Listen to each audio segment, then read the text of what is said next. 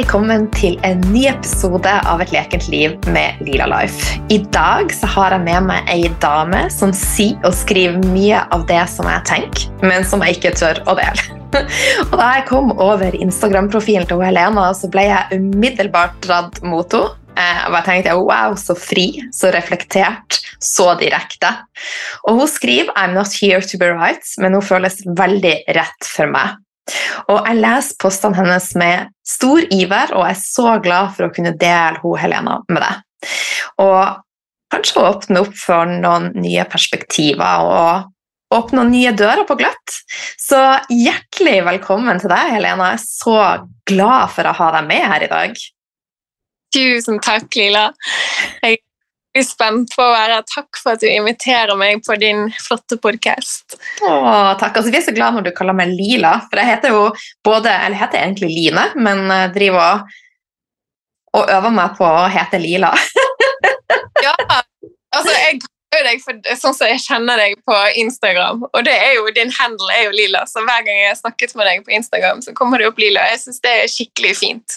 Å, tusen takk. Jeg syns også det er et veldig fint navn. Vet du hva det betyr? Leken. Og det betyr det! Mm.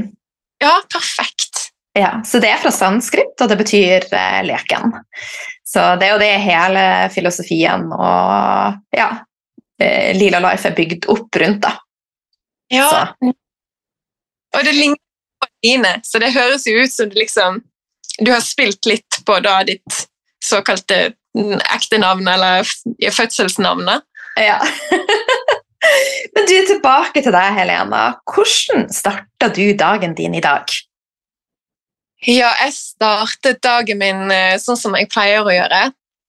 Eh, og det er at jeg blir vekket av eh, min sånn her eh, soloppganglampe. Som er noe av eh, det beste jeg har investert i når eh, vi bor i dette mørke landet. Og det å kunne våkne opp tidlig på morgenen eh, til et lyst rom istedenfor et mørkt eh, natterom eh, nå når vi nærmer oss vinteren, det er skikkelig deilig.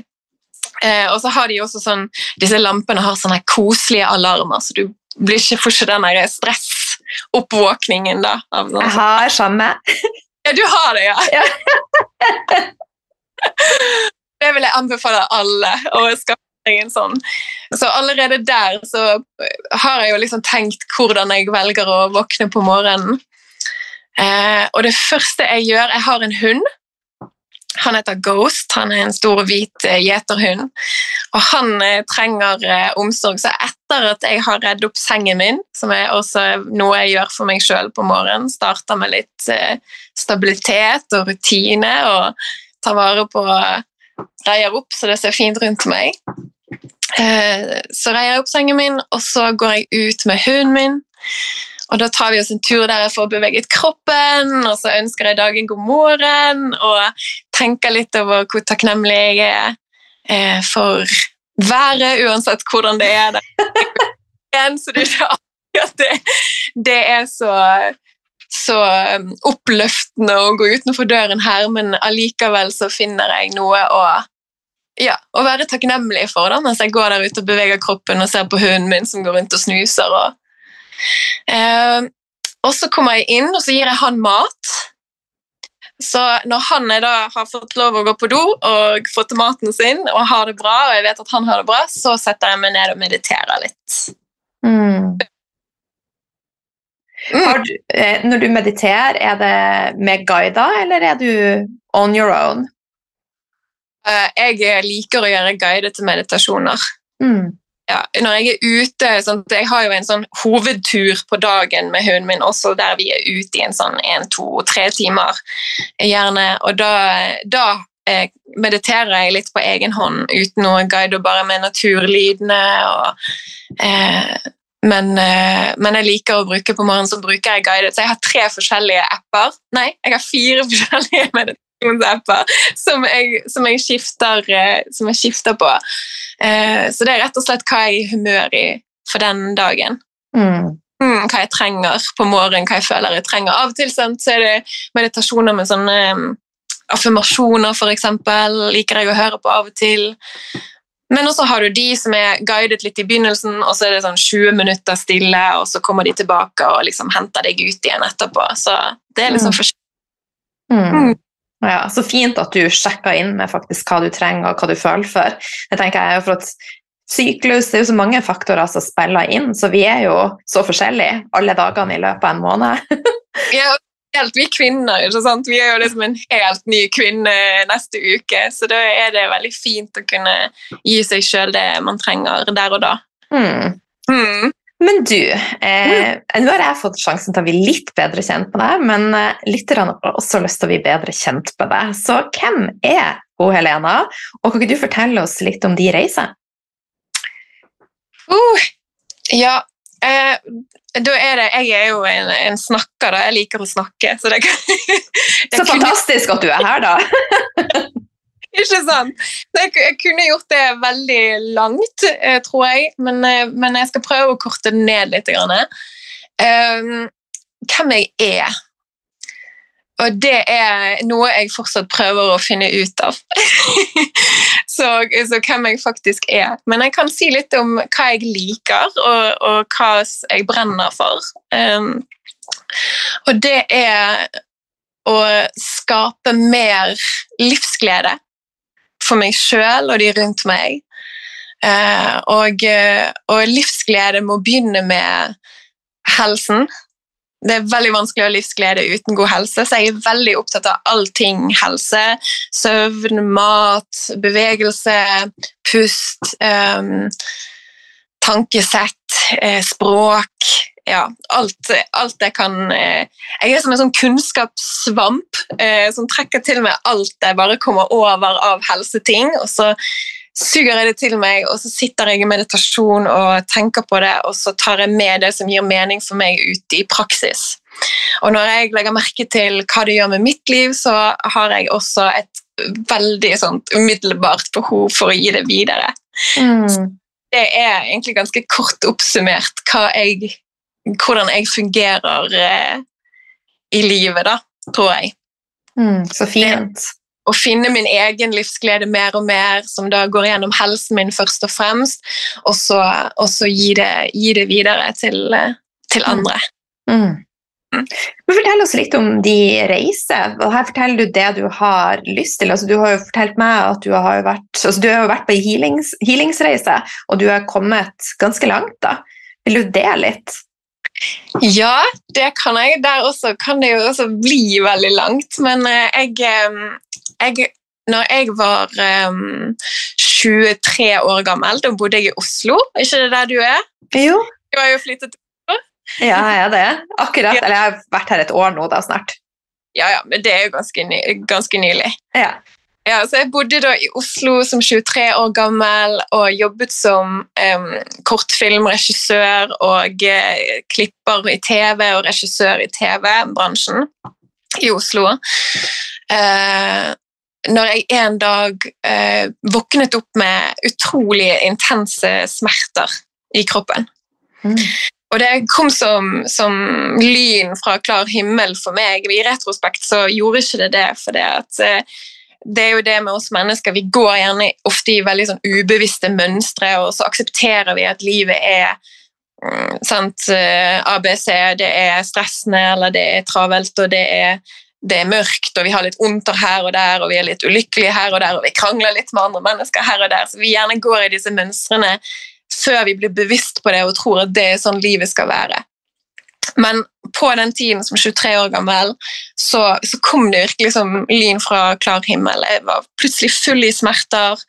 Eh, Det var vanskelig for meg å sove. Det var vanskelig for meg å eh, gå på jobb. Eh, og fra der så bare gikk det i en sånn nedoverspiral. Det ble mer og mer smerter, jeg ble mer og mer ulykkelig. Jeg måtte slutte i jobben min, som var et stort nederlag for meg. Eh, jeg havnet på Nav. eh, så fikk jeg masse diagnoser, og så gikk jeg da i åtte år i det som jeg vil kanskje si var mitt personlige, at jeg levde i en sånn individuell helvete på jord-dimensjon Mm. eh, sjøl og utsiden, og så reflekterte det tilbake på meg.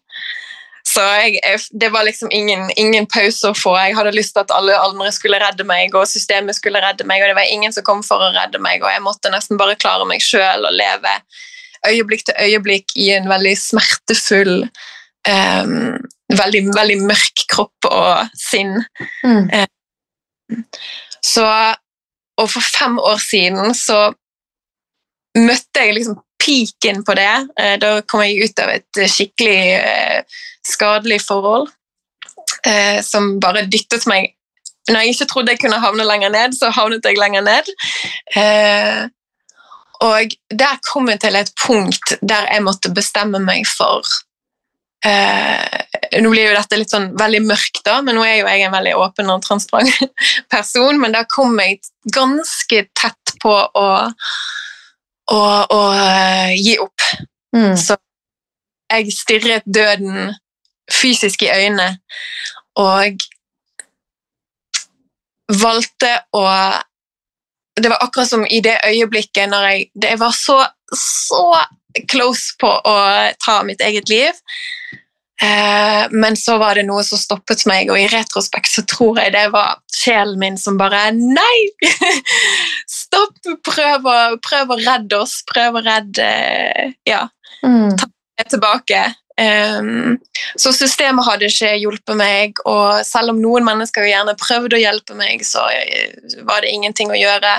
Så jeg måtte rett og slett på det tidspunktet bestemme at jeg måtte redde meg sjøl. Mm, og det er der nøkkelen ligger? Det er der nøkkelen ligger. Eh, dessverre for oss alle sammen. Det er ikke egentlig dessverre, for den reisen er så utrolig Den gir deg så mye tilbake.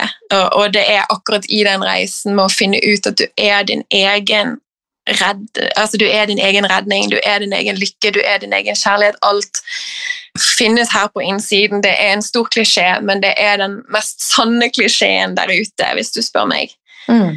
Så, så, i, så, i, retrospekt, dette året her, fem år seinere, så har jeg hatt den åpenbaringen at det var øyeblikket eh, der jeg bestemte meg for at livet mitt var faktisk verdt å leve. Jeg tror ikke jeg hadde følt det før det øyeblikket, at livet mitt var verdt det. Um, og det var også det øyeblikket jeg, eh, jeg ikke hadde noe forhold til noe sjel, men det var det øyeblikket jeg begynte å høre på sjelen min. Mm. Og siden de fem årene siden så eh, har jeg liksom da tenkt sant, For fem år siden, når jeg begynte med å sette meg inn i sant, igjen denne kunnskapssvampen, når jeg begynte å sette meg inn i, i søvn og mat og bevegelse, yoga, litt sånn alternative ting siden jeg aldri fikk hjelp av systemet. Um, Alt dette var egentlig bare lag for å skrelle av sant, smertekroppen og skrelle av sykdommen og skrelle av diagnosene og skrelle av alt som egentlig ikke er meg, for å rett og slett finne frem til sjelen min. Å, så fint! Ja, så dette året her, selv om jeg altså, Dette året her i år eh, så har det, det, egentlig, det her jeg egentlig sier at her hadde jeg min store spirituelle oppvåkning. Eh, fordi at det er uh, Før dette så var jeg veldig altså I fjor, for eksempel, så var jeg veldig sånn intellektuell, veldig prefrontal cortex, veldig venstrehjerneorientert. Og i år hadde jeg min spirituelle, store, massive spirituelle oppvåkning, men igjen i retrospekt så tror jeg den begynte for fem år siden. Mm jeg måtte bare skrelle av alle lagene med det jeg trodde jeg var, og det jeg trodde om verden og det jeg trodde om, om, om livet. Og så har jeg kommet hit i år, og det har vært det tøffeste Jeg trodde jeg hadde hatt det tøft før, men dette har vært det tøffeste, men samtidig det mest eh, vidunderlige året jeg noensinne har eksistert gjennom i dette livet her. Så herlig! Så det ble veldig dypt og veldig masse store ord som kanskje må forklares litt for noen av lytterne. kanskje. Nå tror jeg jo de fleste som kommer til deg og hører på deg, allerede er inne i disse, i disse gatene eller i denne, disse ordene, men ja. Jeg hadde i hvert fall gåsehud eh, hele tida når du snakka, sånn at jeg elsker at du delte. Så tusen takk for det. Jo, Ja. Og det som jeg også sitter igjen med, også for at du sier de fem siste årene det har ført deg til i år det verste, men samtidig det beste, så jeg tror jo at selv om vi, vi sterkere, vi kommer mer i kontakt med sjela vår, så er vi ikke skåna for smerte, vi er ikke skåna for at det er vanskelig, men vi har en annen drive i oss. Altså, jeg vet at uansett hva livet kaster på meg, så står jeg stødig i det. Bare mm. show it on me! I'm mm. ready to meet it! da, Lilla, har du kommet eh, enda litt lenger enn meg. For jeg, jeg, merker at jeg fortsatt, når jeg merker disse her eh, det jeg vil kalle liksom, egodødene, da, disse her, eh, der jeg kjenner nå er det noe omveltende, nå skal, nå skal enda en bit av meg, enda en virkelighet som jeg trodde var sann, men ikke er det, nå skal den, da skal den dø, og det føles virkelig ut som en død. Eh, uh, og, og, jeg fortsatt er litt sånn, jeg havner litt igjen i den samme sånn frykten og liksom blir litt overveldet. Men nå har jeg vært igjennom det så mange ganger at jeg må nesten nødt til å bare minne meg sjøl på at det er alltid bedre på andre siden. Eh, jeg har overlevd ting jeg ikke trodde jeg kom til å overleve. Så, så, jeg har fortsatt så tror jeg jeg kommer til å takle det meste som kommer, som kommer eh, fremover. Så ja, jeg håper jo å komme til der du er der det er bare Throw it on me! altså Selvfølgelig, jeg foretrekker jo at det er litt mer easy-peasy og flau og bare flyt, men Men eh, jeg tenker at jeg takler det som kommer. Ja, det, det, jeg har skjønt med min sjel, er jo at um, alltid når jeg har, eh, når jeg har jobbet med, med, med, naturmedisin eller eh, med dype meditasjoner eller det jeg holder på med nå, som vi kan snakke om etterpå hvis du vil, som er, som er psykedeliske orgasmer og, og sånn, eh, så, jeg, så, sitter jeg jo alltid i meditasjon og har en intensjon. Og da har jeg skjønt at jeg trenger ikke nå lever jeg på en måte mer i den virkeligheten der jeg ikke trenger å lide så mye. Sant? For smerte er ofte katalysatoren for forandring. Mm. Og smerte er katalysatoren for oppvåkning og, og, og mer kjærlighet. Um, sånn at, men, jeg, men jeg, nå har jeg vært igjennom så mye smerte at jeg sier alltid til meg sjøl intensjonen min er at jeg trenger ikke å ha smerte. Jeg trenger ikke måtte lide for å våkne opp til mer kjærlighet og våkne opp til mer glede. Men så kommer sjelen min inn da, i sånn, sånn ettertanke med sånn, sånn, stjerne vet du, på enden av setningen. Men hvis det er smerte å gjennom, så tar jeg det. Jeg skal overleve det. Så det er bare så vittig. Jeg har skjønt at sjelen min bare Ja, men jeg er klar til å bli født mer og mer, så du må bare, vi skal bare takle dette uansett hva som kommer. Åh. Men du sier det er fem år siden du starta denne healing-prosessen, hvor du var, altså møtte det mørkeste øyeblikket. Um, vil du fortelle litt mer spesifikt hva du har gjort for å, å komme dit du er i dag? Ja, altså sant, Disse åtte årene jeg var så uh, syk og jeg var så langt nede, så var jo jeg inne i, i um, i det, altså det, medisinske systemet og, og det jeg nå vil kanskje kalle matrisen av systemet og verden vi har vokst opp i, paradigmene med når du blir syk, så går du til legen, og der skal de egentlig hjelpe deg. Uh, min personlige opplevelse når jeg ble syk som 23, uh, eh, var at jeg fikk veldig, veldig mye motstand, og jeg fikk veldig lite hjelp. Um, jeg ble satt på utallige med medisiner og fikk utallige med diagnoser. Eh, og det egentlig alt jeg gjorde, var å numme meg mer og mer og skape enda mer smerte andre steder. Og eh, jeg fikk rett og slett, jeg følte meg veldig sånn Her, ta disse medisinene, og så tar du disse diagnosene, og så får du klare deg sjøl, og så håper du på det beste. sånn at eh, når jeg, Og da, da kom det på et punkt der jeg ble dyttet enda lenger ned, for noen av oss trenger virkelig så mye vondt, og vi trenger så mye lidelse der vi ikke orker mer, eh, at, eh, at, jeg bare skjønte at her må jeg gjøre noe radikalt annerledes. Mm. Eh, så enten så må jeg faktisk gi opp, men så ville jo ikke jeg gi opp, for sjelen min kom inn og sa stopp. Eh, det er andre ting du kan gjøre. Eh, dette kan reddes, og vi kan reddes. og og du fortjener å leve. Og du fortjener ikke bare å leve, men du fortjener å ha det bra mens du lever. Så måtte jeg tenke outside the box. Jeg måtte tenke helt annerledes enn det systemet jeg var liksom fanget i. Um, så da begynte jeg å lese om alt som har med kroppen å gjøre. Så hva er det som spiller inn på, på helsen vår og vår følelse av eh, velvære? Og det er sant, søvn og mat, eh, disse her eh, fundamentale behovene vi mennesker har. Sant, som er søvn, mat, eh, tilknytning til hverandre eh, og pusten og bevegelse. Det er liksom de, de fundamentale behovene vi mennesker har, og da tenkte jeg også da er ikke det bare det at ok, vi må ha disse tingene, vi må ha søvn, vi må ha mat, vi må puste, vi må ha tilknytning, men det handler også om hvilken kvalitet de tingene har.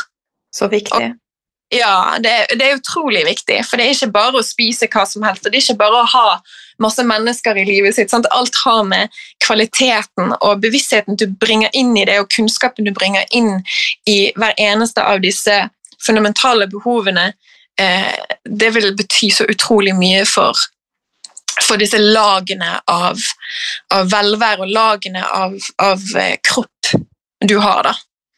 Mm. Så da, da, leste jeg masse bøker om søvn, masse bøker om bevegelse, masse bøker om puss. Jeg, jeg begynte også å utforske yoga, sant? for jeg hørte sånn som alle andre hører, at yoga skal være så bra. um, og det er det jo.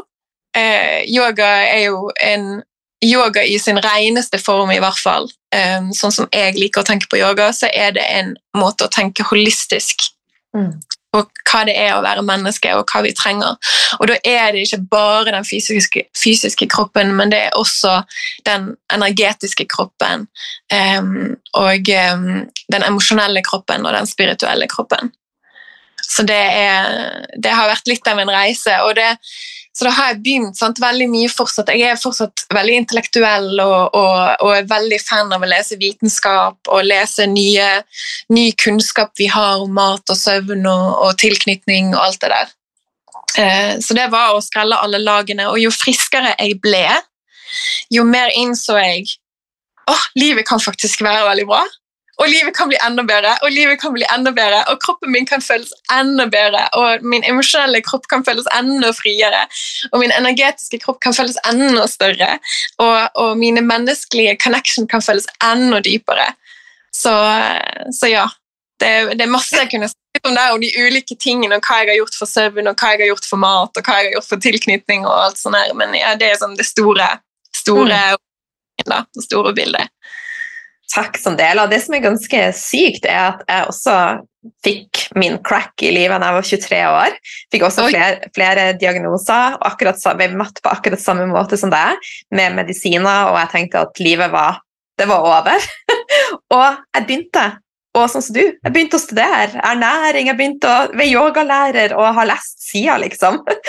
Så eh, totalt eh, samme. Det er jo ganske sprøtt, da. Men eh, og det har sånn som du bare leda meg inn til nye og nye ting. Jeg bare tenker, jeg har jo akkurat starta! Det var sånn Hei! Det føles jo, jo mer du skreller av disse lagene, jo dypere du går, jo mer klarer du faktisk å se hvor dypt det kan gå, og, og potensialet for øh, bare det ultimate øh, det jeg vil kalle det ultimate, intime, gledelige tilknytningen til det å leve. Mm. For det, det, er jo litt av, og det er jo litt av det sant? Du snakket om Instagrammen min og, og, sånn. Det er jo litt av det jeg har lyst til å gi videre. Vi er, vi er så indoktrinert med um, med trossystemer der livet skal handle om å, å fortjene å leve. Mm -hmm. Så vi jobber for å leve, og, og, vi må betale for å leve. Eh, og vi skal helst ofre helsen vår og energien vår og, og, og, våre genuine behov og våre genuine uttrykk eh, for å passe inn i et system som har lyst til å at, at, det hele tiden skal være en en sånn ofre altså Veldig sånn kapitalistiske måte å tenke det å leve på, da, som ikke, som ikke hører hjemme med naturen i det hele tatt. For mm. hvis ser det ut i naturen. Naturen det er ingen trær som, som skal liksom fortjene å leve, eller eh, som må ofre sin egen væren for å leve. Sånn at jo dypere du går i dette, jo mer stopper du opp og tenker å, hva er det vi egentlig holder på med her, alle sammen? Mm. Hvorfor er det så mange mennesker som har de samme historiene å dele som meg og deg, Lila?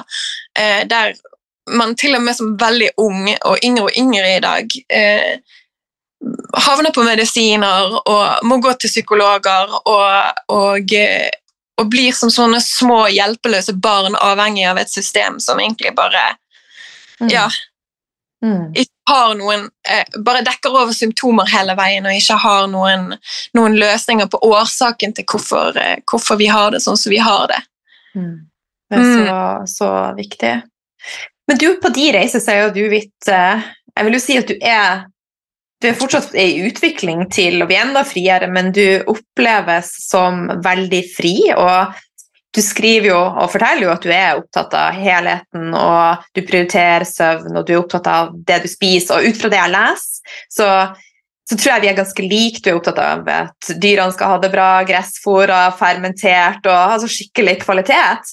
Men eh, dette sier du i et av innleggene dine har vært med og ført deg tilbake til ditt sanne jeg, og en kontakt som ikke prates veldig mye om, men mellom hjertet, livmora og et ord jeg må sende melding. Hva sier jeg egentlig?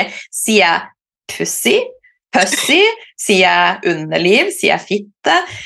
Det blir sikkert retusjert, for det er litt sånn uvant. Altså, vi er så litt sånn lost. Hva sier vi? Men i hvert fall det har leda deg til noe som ikke prates så mye om.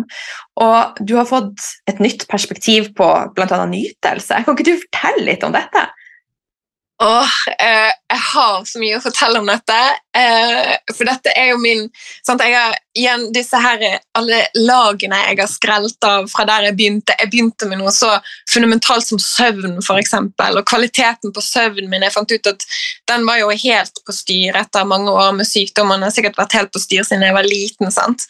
Så, og, og sammen med maten. Og, og der har jeg vært svinget frem og tilbake til å spise veldig usunt, til å bli veganer, og nå er ikke jeg veganer lenger, men jeg er veldig opptatt av eh, et rent kosthold og, og et så mm, etisk og, og, og ja, eh, bærekraftig kosthold som man overhodet kan ha. da.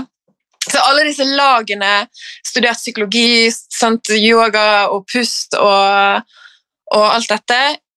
Eh, men så har jo jeg, som jeg nevnte, i år hatt min spirituelle oppvåkning. Og det ledet meg til den åpenbaringen om hvor dårlig kontakt og hvor dårlig forhold jeg har til min egen syklus som Mm. kvinne.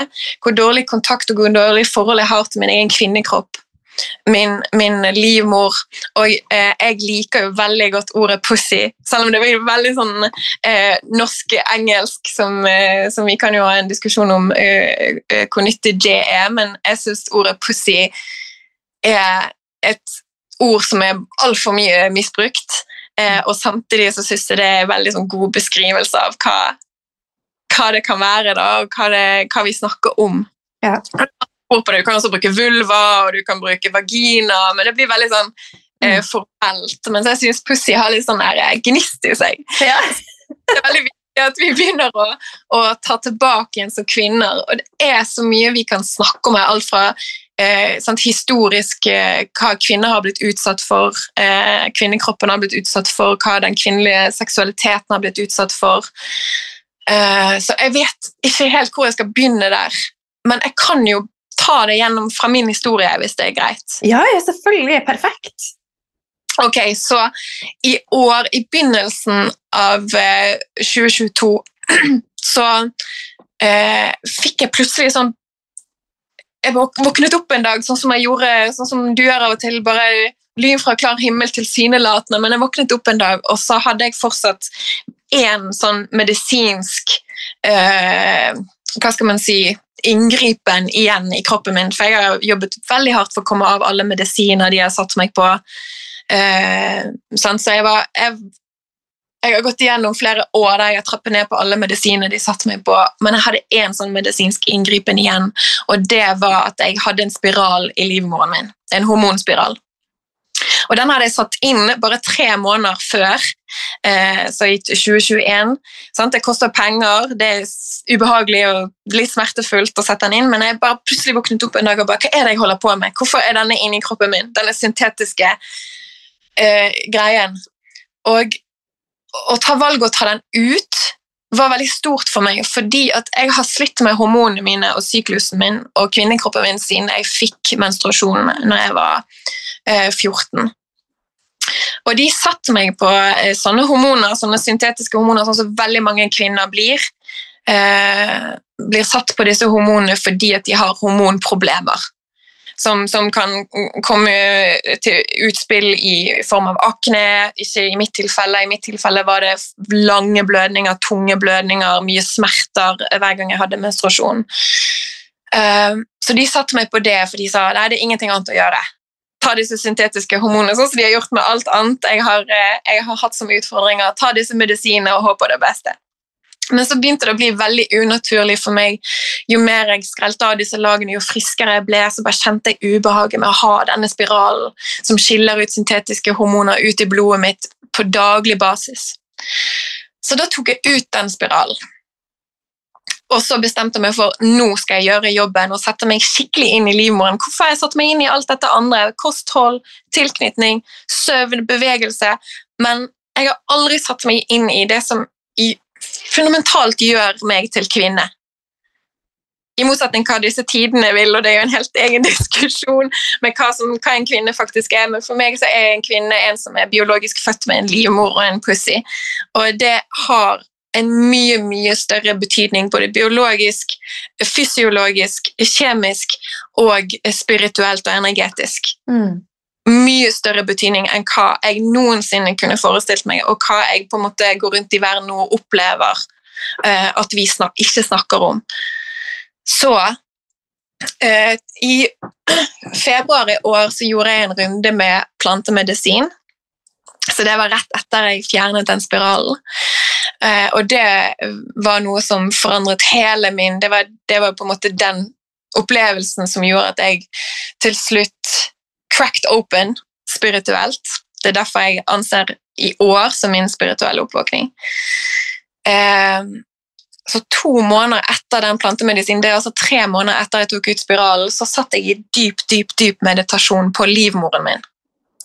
Og da har jeg bare lyst til å nevne at På dette tidspunktet når jeg satt i den dype meditasjonen, og selv om jeg hadde hatt de opplevelsene på plantemedisin som jeg hadde hatt, så var jeg fortsatt en veldig intellektuell person. Jeg var veldig sånn, jeg tror ikke på spirituelle greier. Til og med, jeg var, jeg var yogalærer, men jeg var mer litt sånn på den, på den eh, vitenskap-biten av å være yogalærer, av bevegelse er sunt, måten du puster på er, er nyttig, å sjekke innom og meditere er nyttig fordi at vitenskapen sier det. Så på dette tidspunktet, når jeg sitter der eh, tre måneder etter jeg tok ut spiral og mediterer på livmoren min, og da hadde jeg enda ikke fått blødningen min, så her begynner det å bli veldig esoterisk. For jeg sitter nemlig på fullmånen i Skorpionen.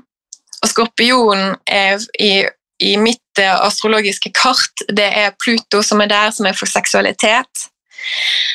Eh, og på fullmånen i Skorpionen i april i år så sitter jeg i dyp meditasjon, og det var bare en eksplosjon. Altså, det var bare Hele mitt vesen bare åpnet seg opp. Jeg fikk så mye jeg så forskjellige dimensjoner og fikk så masse sannheter bare husk inn i hele min væren. Og kroppen min åpnet seg opp, og livmoren min åpnet seg opp, og pussien min åpnet seg opp, og det var bare som jeg ble fylt med egentlig altfor mye sannheter for én liten kvinnekropp. Eh, og det var en natt som var så intens, og jeg trodde jeg var blitt gal. Og jeg tenkte bare nei, nå kommer de til å bure meg inne, for dette her kan ikke stemme. Jeg er sikkert blitt eh, faktisk gal. Men som du ser, så, så, uansett hva du nå tenker at jeg sier om det ene og det andre, så er jeg jo her fortsatt. Fri som, som, bare det.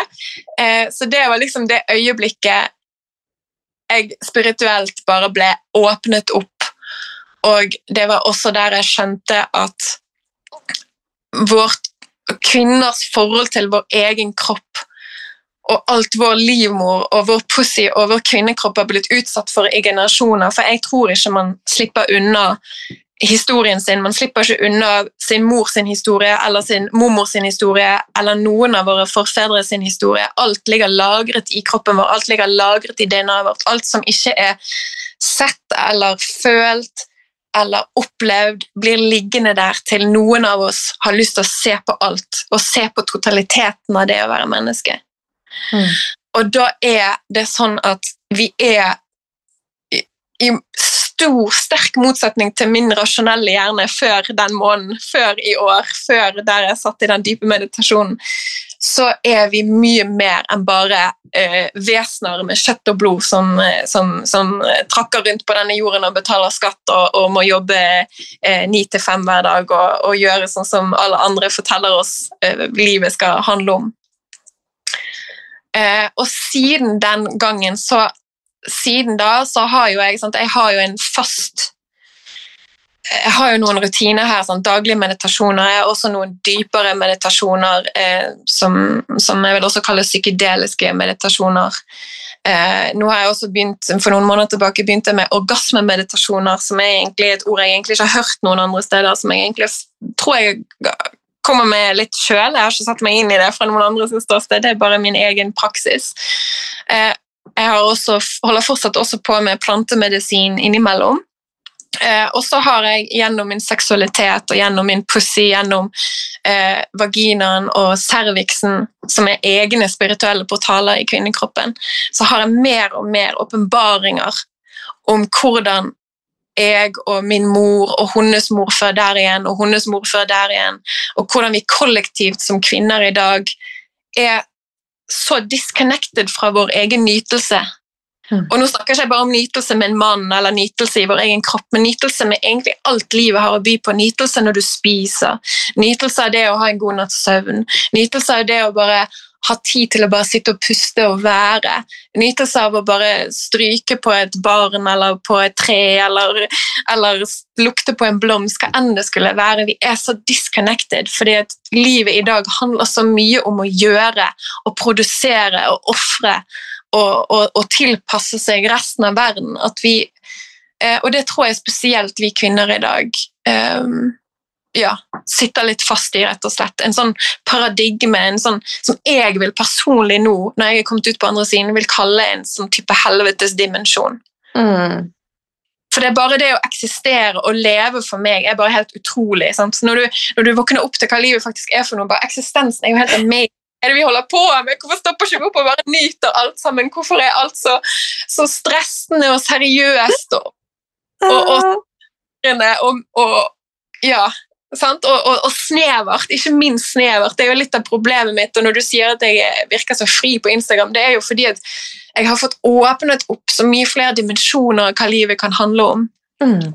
Og når det gjelder oss kvinner, så tror jeg Og det kommer nå, tror jeg, til å være et av mine større misjoner i livet, og min, en av mine større meninger med mitt liv, det er å, å både for meg sjøl og kvinnene rundt meg å begynne å se til hva som faktisk gjør oss til kvinner, hvor vår ultimate energetiske, emosjonelle og spirituelle portal finne, befinner seg. Og det er i underlivet vårt. Eller? Det høres så teit ut å si underlivet, for det er mye mer enn bare underliv. Det er, mm. det er, ja, det er livmor. Det er the ultimate Pandoras box. Pandoras box.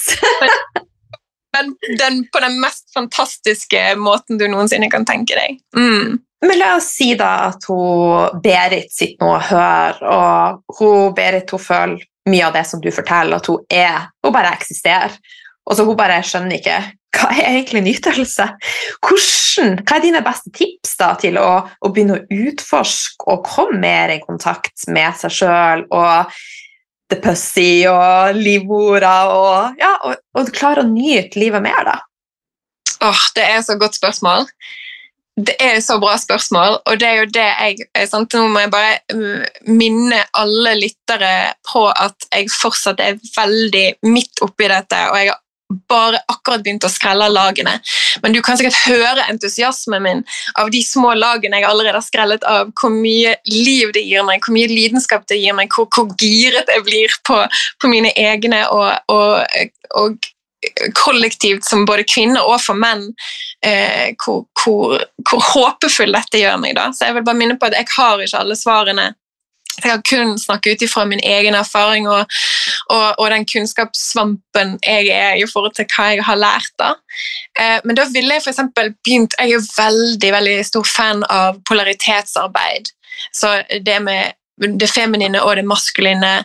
Um, jeg er også veldig glad i å snakke om, om kilden til all eksistens, for man kan ikke snakke om noe her i livet uten å snakke om eksistensen i seg sjøl. Altså, og da liker jeg å bruke ordet Gud, men det skjønner jeg er triggende for, for veldig mange. Men, eh, men, bare for å ta det sånn kort, skal vi heller komme tilbake igjen til det. Men for meg så er Gud det er eksistensen bak alt altså det, er bare den ultima, det, det er nødt til å være en kilde for alt som eksisterer. Og i denne virkeligheten vi ser spille seg ut foran øynene våre og inni oss, så er det et tegn på hva Gud faktisk er. Alt er et liksom, puslespillbrikke og et bevis på hva Gud kanskje er, eller eksistensen kanskje er. Og da ser vi jo veldig mye spille seg ut her mellom mann-kvinne og disse dualitetene. Sant? Inn, utpust, natt, dag, yin-yang, mann-kvinne. Eh, det maskuline og det feminine.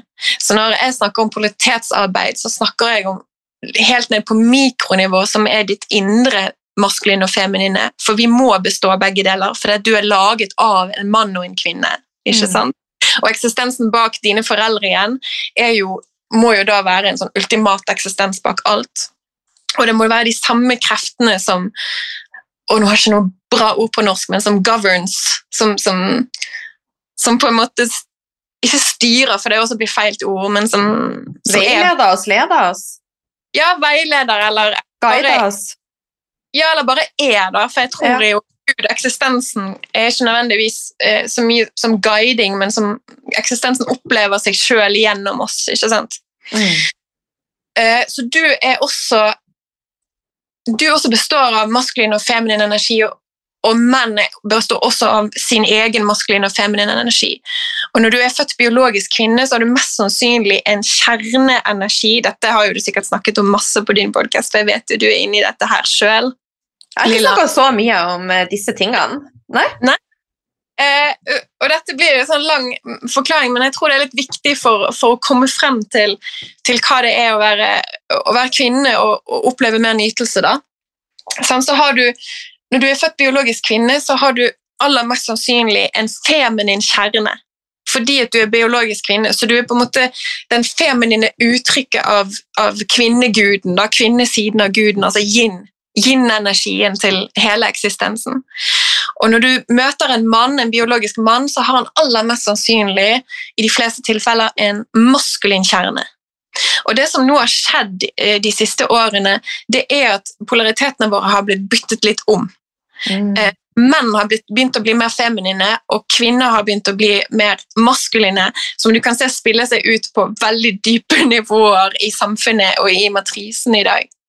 Så litt av det som har skjedd, er at menn har på en måte eh, fått beskjed om eh, dere skal gjerne jekke dere litt ned og, og bli litt mer feminiserte, eh, mens kvinner sant, har, driver nå og jobber på tross av syklusen sin, så jobber vi ni til fem. Du skal gjerne gjøre alt som kvinne i dag. Du skal produsere, du skal jobbe full jobb, du skal få barn, du skal ta vare på hjemmet, du skal ta vare på mannen din og forholdet ditt og alt dette her. Og, og det det gjør, det er at det pusher oss kvinner ut i vår maskuline energi. Mm. Og det er masse lag vi kunne tatt opp her, men eh, nå skal jeg holde meg til akkurat den biten av, av den maskuline energien og måten vi kvinner gjerne er um, dyttet litt av pene energetisk i dag. For det er den maskuline energien, når du fortsetter å gå i den, en såret maskulin energi, en uhelbredet, ubalansert maskulin energi vil ha deg til å gjøre, gjøre, gjøre. Produsere, produsere, produsere. Være oppi hodet ditt. Hode, hode, hode. Eh, sant? Sånn som jeg har vært helt opp til i år. Veldig venstrehjerneorientert. Alt er bare logikk, alt er bare det vitenskap. Eh, jeg tror det ikke før jeg får se det. Jeg må ha noen andre å fortelle meg at sånn henger det sammen. Så for å komme tilbake til å besvare spørsmålet ditt hvordan oppleve mer nytelse, så ville jeg begynt med å se og forstå meg på hva det faktisk vil si å være kvinne, og hvordan du har det best som kvinne. Mm. For det, ingenting er tilfeldig i denne verden. Alt, eh, den høyere orden til eksistensen er at ting skal flyte mer og mer. Sant? Så eh, så det, den feminine essensen kan man se på som altså yin-del av eksistensen. Yin-energien i eksistensen, den er flytende. Eh, den er i uh, åh, Jeg sliter så mye. Jeg gjør så mye på engelsk. Det er jo så rart å slite med å finne ordene på norsk. Men surrender, gi slipp, mm. sant? Og stole på Eh, er veldig, veldig feminint. Um, å være til stede er feminint. Slutte å være så produktiv, slutte å kontrollere, for kontroll er også en, en, en sånn wounded masculine, en mer sånn såret maskulin måte å operere på. Um, så det å være kvinne og så sette seg ned og liksom meditere litt på kjenne litt på hvor har jeg det best i min kvinnekropp og i min kvinnesyke og min emosjonelle verden. Hvor er jeg gladest? Eh, hva er det som, som, får meg til å slappe av i nervesystemet? Mm. Eh, og da må det begynne med inni deg sjøl. Med å ta vare på deg sjøl og si, begynne å utforske med å ta seg litt mer tid til f.eks. ta seg et bad. Eh, ta, sette av litt tid og, og, og, bevege kroppen litt og danse litt uten å tenke, for det er igjen maskulin. Så, så det jeg vil eh, tipser veldig om, for jeg er en veldig maskulin kvinne. og det er veldig triggende for folk når jeg sier eh, hvis jeg hadde sagt du er en veldig maskulin kvinne, for det høres ut som eh, ja, det, det, Jeg skjønner at det er triggende for veldig mange, men, men, med at jeg er en maskulin kvinne, da mener jeg at jeg er veldig sånn lidenskapelig og veldig sånn produktiv når jeg først begynner. Jeg eh, er veldig oppi hodet mitt og veldig glad i å intellektualisere ting og lese ting. Sånn at For meg i denne reisen og det å utforske min egen nytelse har vært å utforske, gjerne til litt det ekstreme, hva det vil si å være i min feminine essens. Mm. Og det til det ekstreme, så kan du også liksom begynne å balansere det etter hvert. Så for meg, det å eh, på en måte sitte på musikk og ikke tenke over hva jeg skal danse, men bare bevege kroppen, det er veldig feminint det å, å, å, si nei til å, å f.eks. hjelpe familien min med noe, passe barn eller, eller, eller støvsuge eller hva det nå skulle være, og si nei, vet du hva, jeg skal ha to timer der jeg gjør ingenting. Det er veldig feminin ting å gjøre. Mm. Og det som blir i dag, det er at når, når vi kvinner ikke er vant til å, å, å um, å sette vår nytelse og tilstedeværelse først, så blir det veldig vanskelig å nå si til kvinner eller si til Berit der hjemme nå skal du hoppe rett og, og utforske kroppen din og utforske pussyen din og utforske livmoren din. Det tror jeg ikke er det riktige tipset å komme med.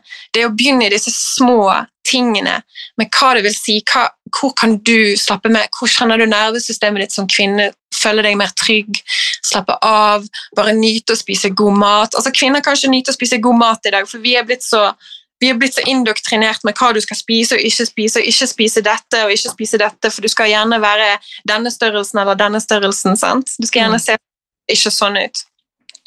Så det er liksom Ja, rett og slett, eh, jeg tror For mange kvinner i dag, og når vi er på vår maskuline side, det å gjøre ting for andre og det å gi og gi og gi, det er også maskulint. Mm. Og de fleste av oss kvinner i dag tror jeg vi har lært gjennom generasjoner at vi skal gi og gi og gi. Og bare det å si nei litt oftere for å si ja til seg sjøl jeg tror det er, liksom, det er den utfordringen de fleste kvinner i dag vil, vil, synes det er nok, før man begynner å snakke om pussy og orgasme og underliv og sånn. Jeg vet i hvert fall at det har vært det for meg. Mm. Mm. Bare det å si nei for meg og, og, og, begynne å kommunisere mine egne behov for meg som kvinne, uh, har, vært, uh, har, vært, en egen spirituell reise i seg sjøl.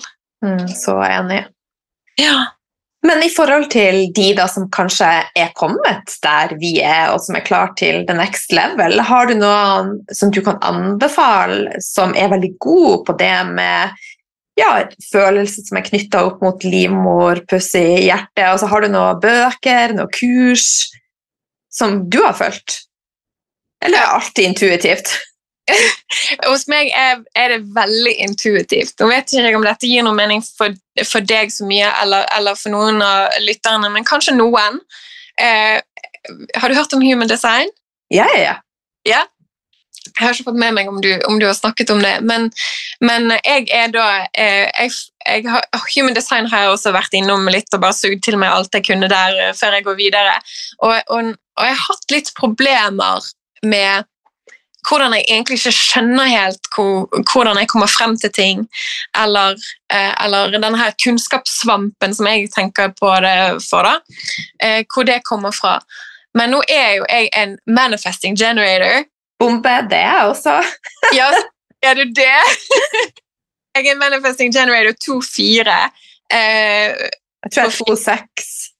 Ja, så du er sånn um, role model. Jeg husker ikke helt, men jeg, ja, jeg skal dobbeltsjekke. Men jeg er i hvert fall manifesting generator. ja, Manifesting generators vi har veldig, For det første, sånn, snakk om maskulin feminin energi, så har vi veldig mye maskulin energi eh, som manifesting generators, for vi har så stor energimotor. Vi er så flinke til å produsere så lenge vi får produsert ting innenfor det vi brenner for. Så det kjenner alle manifesting generators jeg igjen. Jeg er også en 2-4-profil som ifølge hun er Zoe, som, som, har laget den nye My Human Design-appen, sier en easy breezy genius. Sånn at eh, Når jeg begynner noe, så er jo jeg sånn som jeg har nevnt Jeg leser så mye eh, bøker, og jeg hører på så mye podkast. Jeg suger til meg alt, og så er jeg hjemme og praktiserer det sjøl og tester det ut og utforsker det i min egen kropp. Eh, og når noe funker for meg, og, og, og ting funker som magi altså. altså jeg, har så mye åpenbaringer, og det er så mye forandringer som først skjer når jeg først begynner med det arbeidet, at, at, eh, at jeg jeg, opplever sjøl at jeg har ganske selv om, selv om, jeg ikke holdt på med det så, nødvendigvis så veldig lenge, så går det så kjapt, og det er så intenst. Eh, og jeg gjør så mye av gangen, og jeg leser så mye av gangen at jeg føler at jeg kan gi det videre med ganske mye integritet og, og lidenskap eh, mm. til andre. Så jeg har masse bøker og podkast jeg kunne, kunne, gjerne tipset om, men, men når du først eh, er interessert i dette, så er det jo bare til å google og søke. Eh, jeg deler også mye in, gjennom Instagram hvilke typer kilder jeg av og til eh, bruker. Mm. Folk kan også gå inn og, og, og se.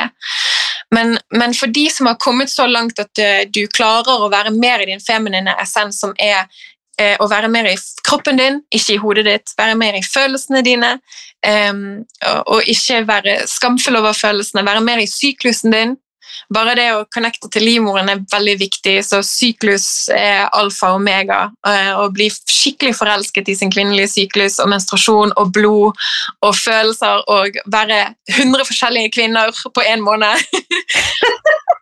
Eh, å være, være, mer i sin myke, gledelige nytelsesside generelt i livet. Når du, har, når du har, begynt å utforske alt det, og du begynner å bli mer komfortabel med det, så er tipsene mine for å utforske pussyen sin det er, eh, det er masse du kan gjøre der. Jeg vil anbefale meditasjon.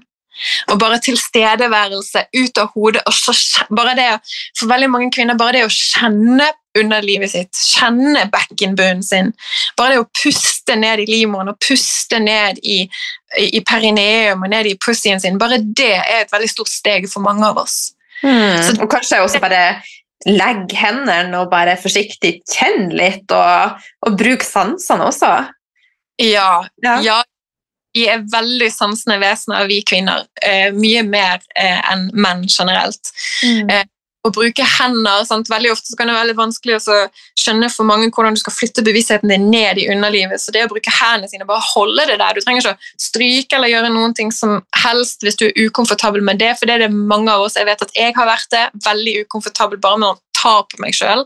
Så det forteller jo meg hvor, hvor, mye motstand jeg har mot min egen kropp, som er jo veldig trist, og det tror jeg mange kvinner opplever i dag, å ha den samme motstanden mot å ta på seg sjøl. Så da kan man begynne med å bare holde hendene der, ja. Mm. Jeg, og det jeg ville også tipset om som jeg også sier til menn når det gjelder det å være intim med en kvinne. for Nå er det sånn i denne polaritetsarbeidet med din indre maskuline feminine Det du ønsker fra en mann, det må du også klare å gi til deg sjøl. Så når jeg sier til menn eh, eh, hvordan de helst skal gå frem for å åpne opp en kvinne intimt og emosjonelt og seksuelt, så er det å begynne her oppe, og begynne rundt hjertesenteret.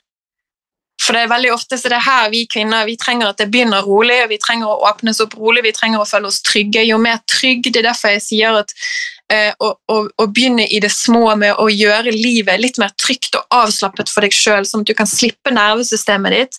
For det at pussien din og livmoren din kommer ikke til å åpne seg, du kommer ikke til å få noen kontakter hvis du går gjennom hverdagen og er utrygg.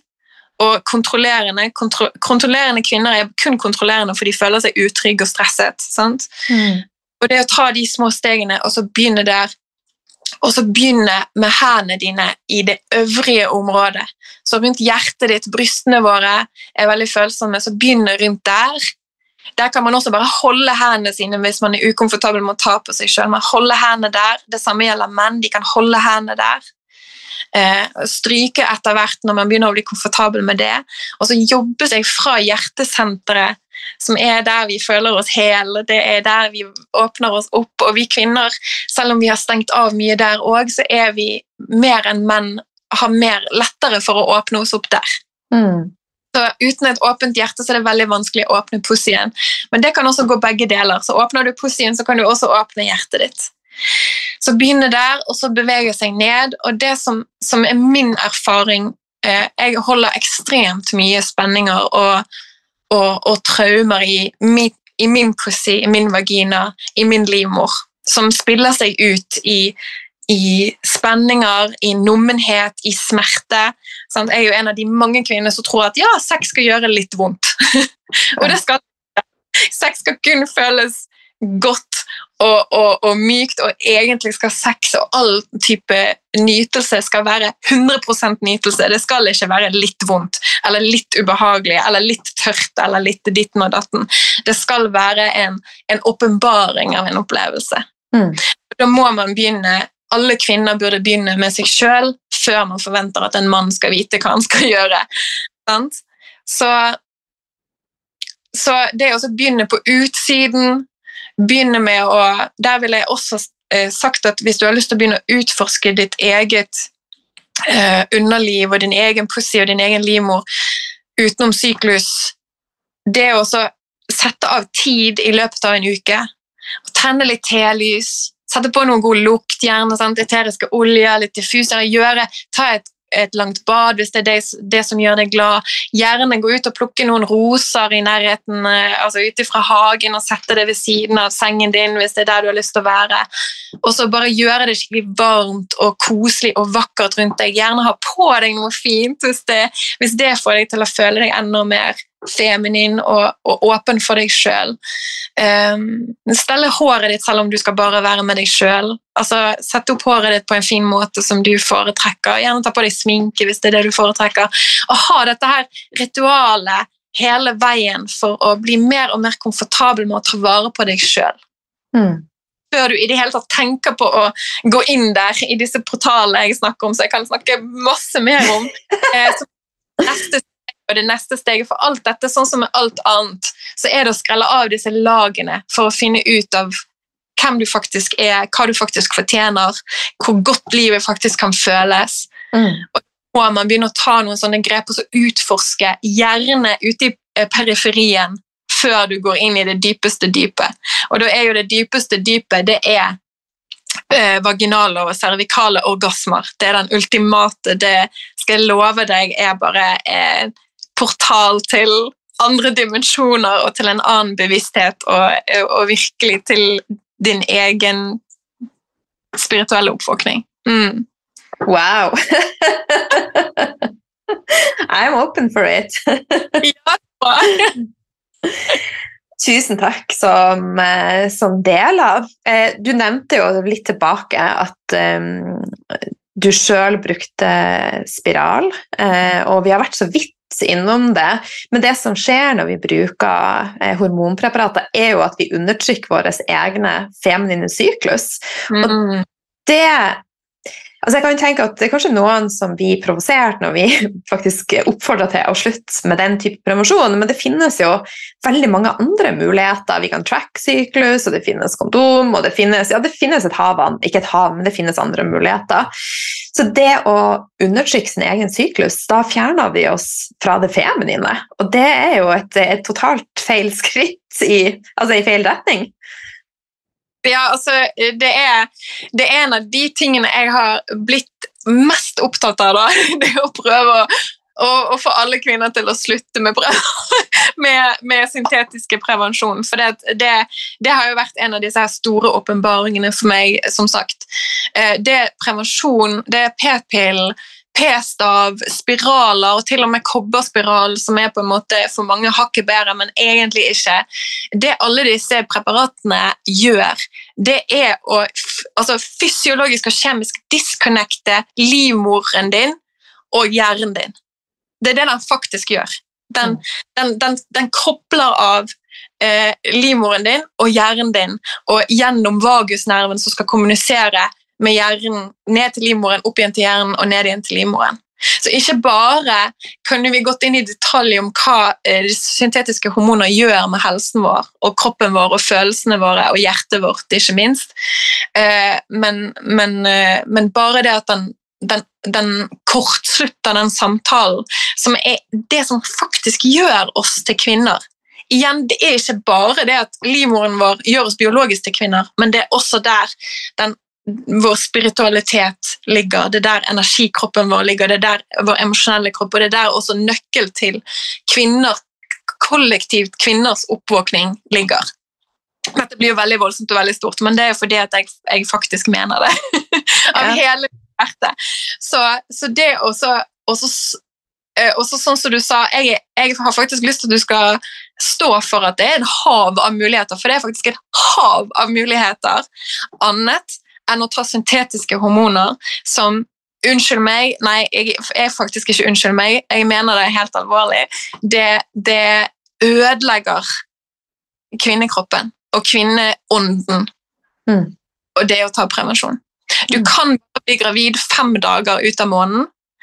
Og der også er det jo gått så utrolig mye eh, kunnskap, urkunnskap fra forfedrene våre som har gått tapt. Eh, og, og, og, dette er en lag på lag på lag med hvor mye vi er indoktrinert med at vi ikke kan stole på kroppene våre, for det kan vi bare gi den den, den, makten for kroppene våre og kunnskapen om kroppene våre. Det er det kun leger og ekspertene i hermetegn ekspertene kan si noe om. Men, men det er du som lever inni kroppen din, det er du som har en kropp, og den kroppen er jeg prøver hele tiden å kommunisere med deg om hva den trenger, hva som kommer til å gjøre livet ditt bedre, eller hva som eventuelt gjør livet ditt verre.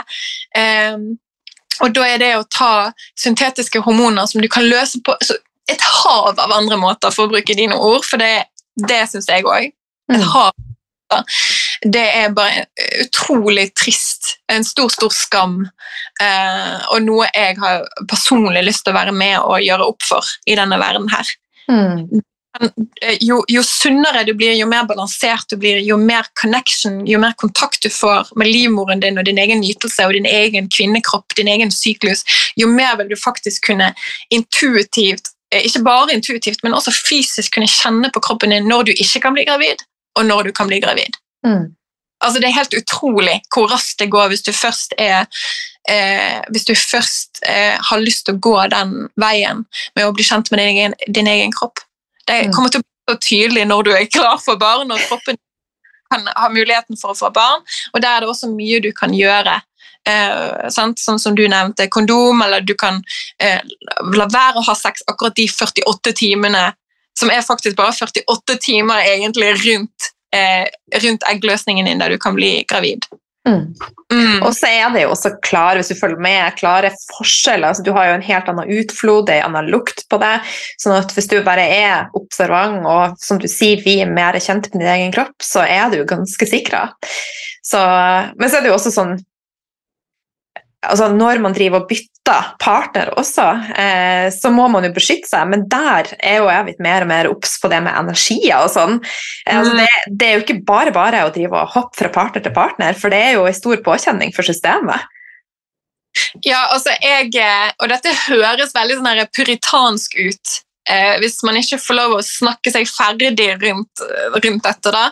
Men jeg jeg mener også Der har det liksom gått altfor langt med kvinners seksualitet. Altså, sex i dag er så det er så lite hellig, det er så lite seremonielt. Eh, de fleste kvinner i dag eh, vil jeg, jeg vil tørre å påstå at de fleste kvinner i dag har sex uten at de faktisk er klar for det, og uten at de kjenner sin egen kropp. Og uten at de, eh, de, kjenner sin egen nytelse, og uten at de skjønner hva de faktisk fortjener. Så det å ha masse sexpartnere eh, er for meg et stort problem, og det er jo jeg personlig helt ferdig med etter at jeg også mener at all sex er energiutveksling. Mm. Eh, og, og, kroppen min er, er hellig. Og, og, kroppen min fortjener å være helt klar, og kroppen min fortjener å nyte hvert eneste øyeblikk. Og det er nødt for meg å være seremonielt, det er nødt for meg å være hellig, det er nødt for meg å være forankret i kjærlighet.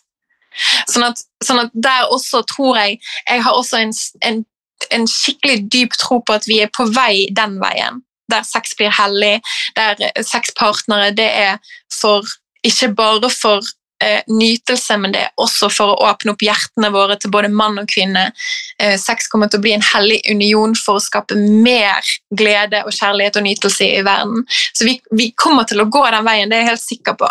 Mm. Og da blir ikke det der et problem med, med, med med sjansen for å spre masse sykdommer eller sjansen for å bli gravid. For jeg tror vi er på vei inn i en tidsalder eh, der kvinner er helt i synk og i kontakt med kroppen sin, der menn er helt i synk og kontakt med hjertene sine og kvinnekroppen. For de kommer til å eh, sette så mye mer pris på kvinner enn hva de gjør i dag. Eh, nå høres dette veldig woo-woo ut sikkert for mange, men dette er mine åpenbaringer og mine visjoner og min, min, følelse av det som kommer til å etter hvert skje i fremtiden. og det er der vi er på vei. Jeg håper at du har helt rett. jeg på at jeg har helt rett. Nei, men det er jo i så fall fantastisk. Ja, jeg, og jeg tror også at sant, jo, mer altså, jo, mer disse forandringene skjer i individet, jo mer vil det kunne gi positive effekter til de rundt.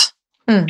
Og det, det, altså, mine egne jeg bruker dette ordet veldig mye, men det er det det føles som. Det er det det oppleves som åpenbaring. Min egen åpenbaring, min egen kropp og min egen nytelse og min egen seksualitet i møte med Og så tar jeg det med i møte med en mann. Det er bare beyond. altså Det er bare forbi noens, jeg noensinne kunne jeg kunne jeg, i det hele tatt fantasere om hva mulig i dette.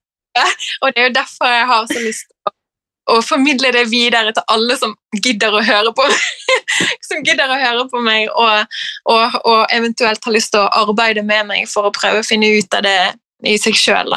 Mm. Mm. Jeg syns det er i hvert fall er veldig veldig artig å høre på det. Jeg suger til meg alt, så Men du um, Du snakka om at mange kvinner opplever smerter under eh, samleie, under seksuell aktivitet. Mange kvinner opplever smerter i syklus, mye PMS. Det kommer en ny diagnose, det er PMDD. Eh, mm. endometriose. Altså det er veldig mye eh, smerter, og det er også veldig mange som opplever at fravær altså De har virkelig ikke lyst til å ha intimitet. Sånn at dette igjen kommer jo tilbake til ubalanser, for det er jo ikke sånn det skal være. Vi skal jo være smertefrie, og vi skal ha lyst om alt er i, i syklus og normalt. Eh, hva er dine tanker her? Eh, mine tanker er som, som alltid veldig mange. fasettert eh, fordi at alt henger sammen. Så, eh, så, så, det viktigste er jo eh, på en måte å prøve å fortsette å si nei, du skal ikke ha det vondt. Nei, du skal ikke måtte føle at du må gi opp kroppen din og gi opp nytelsen din for å fortjene kjærlighet. Nei, det skal ikke være numment der nede. Nei, nei PMS og, og, og, smerter under menstruasjon, det er, selv om det er normalt i, i hermetegn i dag, så er det ikke det er ikke meningen at det skal være sånn vi er blitt lurt til å tro at det skal være sånn, for det er såpass mange som opplever det, men det er ikke. Så, første steg er egentlig for hver kvinne å kanskje orke å høre det.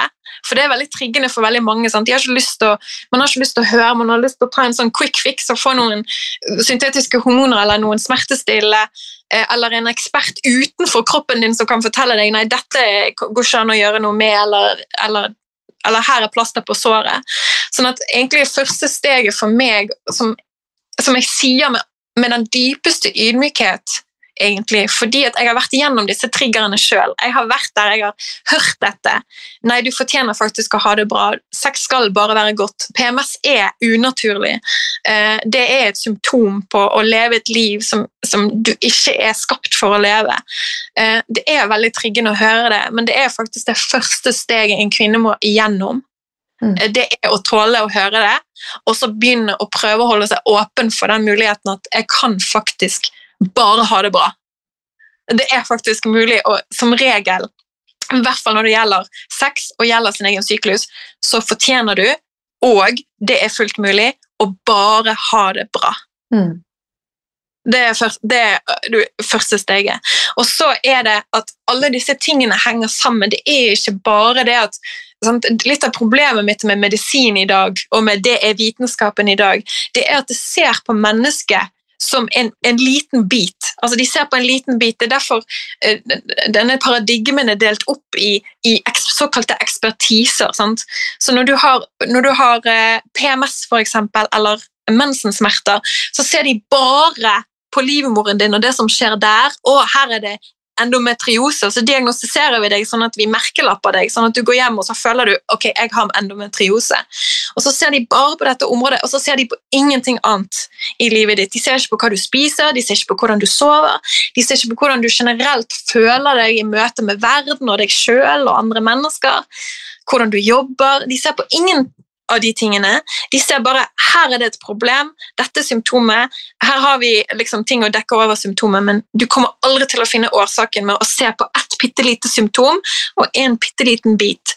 For det, du er også hjertet ditt, du er også hjernen din, du er også blodet ditt, du er også blodårene dine, du er også hormonene dine og de, alle de andre endokrine systemene i kroppen, men du er også i motsetning til den nåværende konsensus i matrisen, du er også et spirituelt vesen. Du er også mye mer enn du tror du er. Du er også et, et energetisk vesen. Du er også din helt unike blueprint i eksistensen. Så det er ingen andre mennesker der ute som ligner på deg. Altså, Du er helt ditt eget spesielle mønster, akkurat som et snøfnugg. Du er din helt spesielle eh, symmetriske krystall som når du opplever eh, smerter og du opplever ubehag og du opplever det å være ulykkelig, det er bare at du, man er fragmentert. Og vi lever nå i en virkelighet som har lyst til å fortsette å fragmentere deg, fordi den har lyst til å putte deg inn i disse båsene og disse merkelappene og bare se på en liten bit av deg, og ikke ta med helheten av det det vil si å være menneske. Mm. I love it! Jeg bare sånn Når skal vi møtes? du hører snakke om dette altså, det, For det, det igjen Man kan ikke få man kan egentlig ikke få sagt nok, og, og, og, og det er så masse man kan, man kan, ta tak i, og det er så masse man kan utforske og vurdere. Så det er bare Ja, jeg kan snakke, jeg, til noen avbryter meg. jo, da, jeg syns det er helt fantastisk å sitte og høre på, så jeg har ikke noe behov for å, å avbryte. Jeg er bare nysgjerrig og har lyst til å, å lære mer. Men en ting som jeg også har observert, er jo at du eh, mest sannsynligvis ikke rører alkohol. Vil du dele noen tanker rundt det? For vi, der også så er vi jo et samfunn der altså, Du skal ikke se en film eller en serie uten at de sitter med et vinglass i handa. og Jeg vokste opp jeg tipper jeg er i hvert fall ti år eldre enn deg. Jeg vokste opp i et altså, Alt rundt meg var basert på alkohol, og jeg har ikke tallet på hvor mange ganger jeg har fått hørt at Hæ, skal du ikke drikke? Hvor jævla kjedelig er du? Altså, det er så mye dissing og så mye Så det har vært vanskelig. Men nå, når jeg begynner, jeg begynner å nærme meg 50, så føles det men, helt uh, det, men det, det, Nå bare en liten digresjon, for det der også har jo, jeg også begynner jo å bli eldre, som vi alle gjør, men, men, uh, men uh, der også har vi også blitt lurt til å tro at når du blir eldre, så blir du gammel. Ja. Men, men, bare sånn, du er jo, jeg hadde aldri tenkt at du snart er 50. Wow, blows my mind. Eh, men der også, jeg har jo bare bestemt meg for å bli yngre.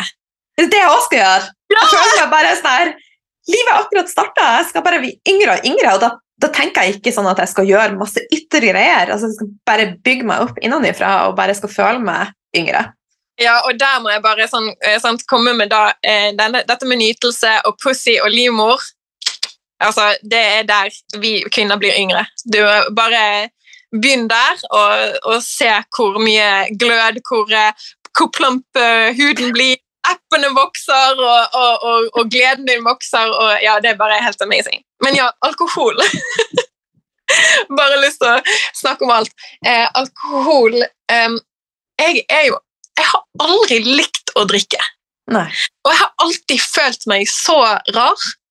Eh, og jeg har alltid fått høre hvor merkelig det er, eller hvor eh, altså, Jeg husker da jeg var russ, Eh, så løy jeg til Jeg var kanskje en av de få tenåringene som løy til foreldrene mine og sa ja, i dag skal jeg ut med russebussen og drikke.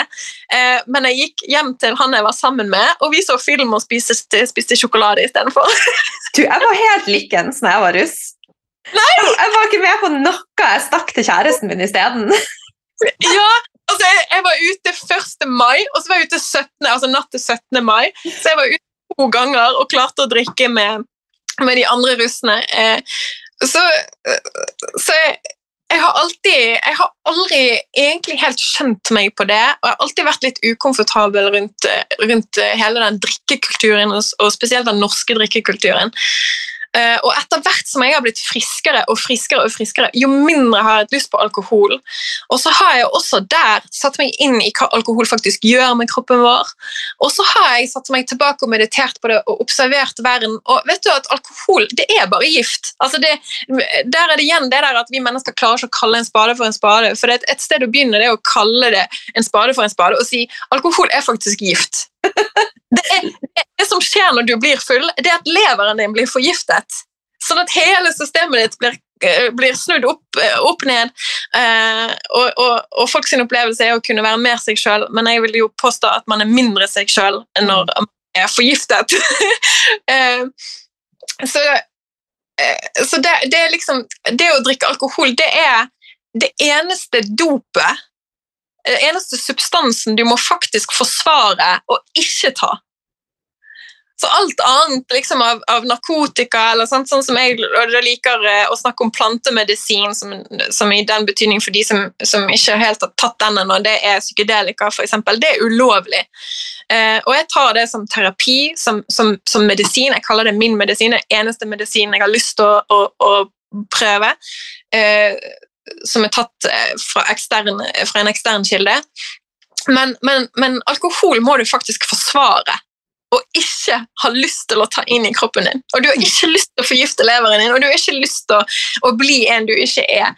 Og det som er så vittig, Jeg har liksom erfaringer der jeg har eh, nevnt det. Jeg hadde en, eh, en, en, Nå i sommer så var det to naboer jeg snakket med samme uke.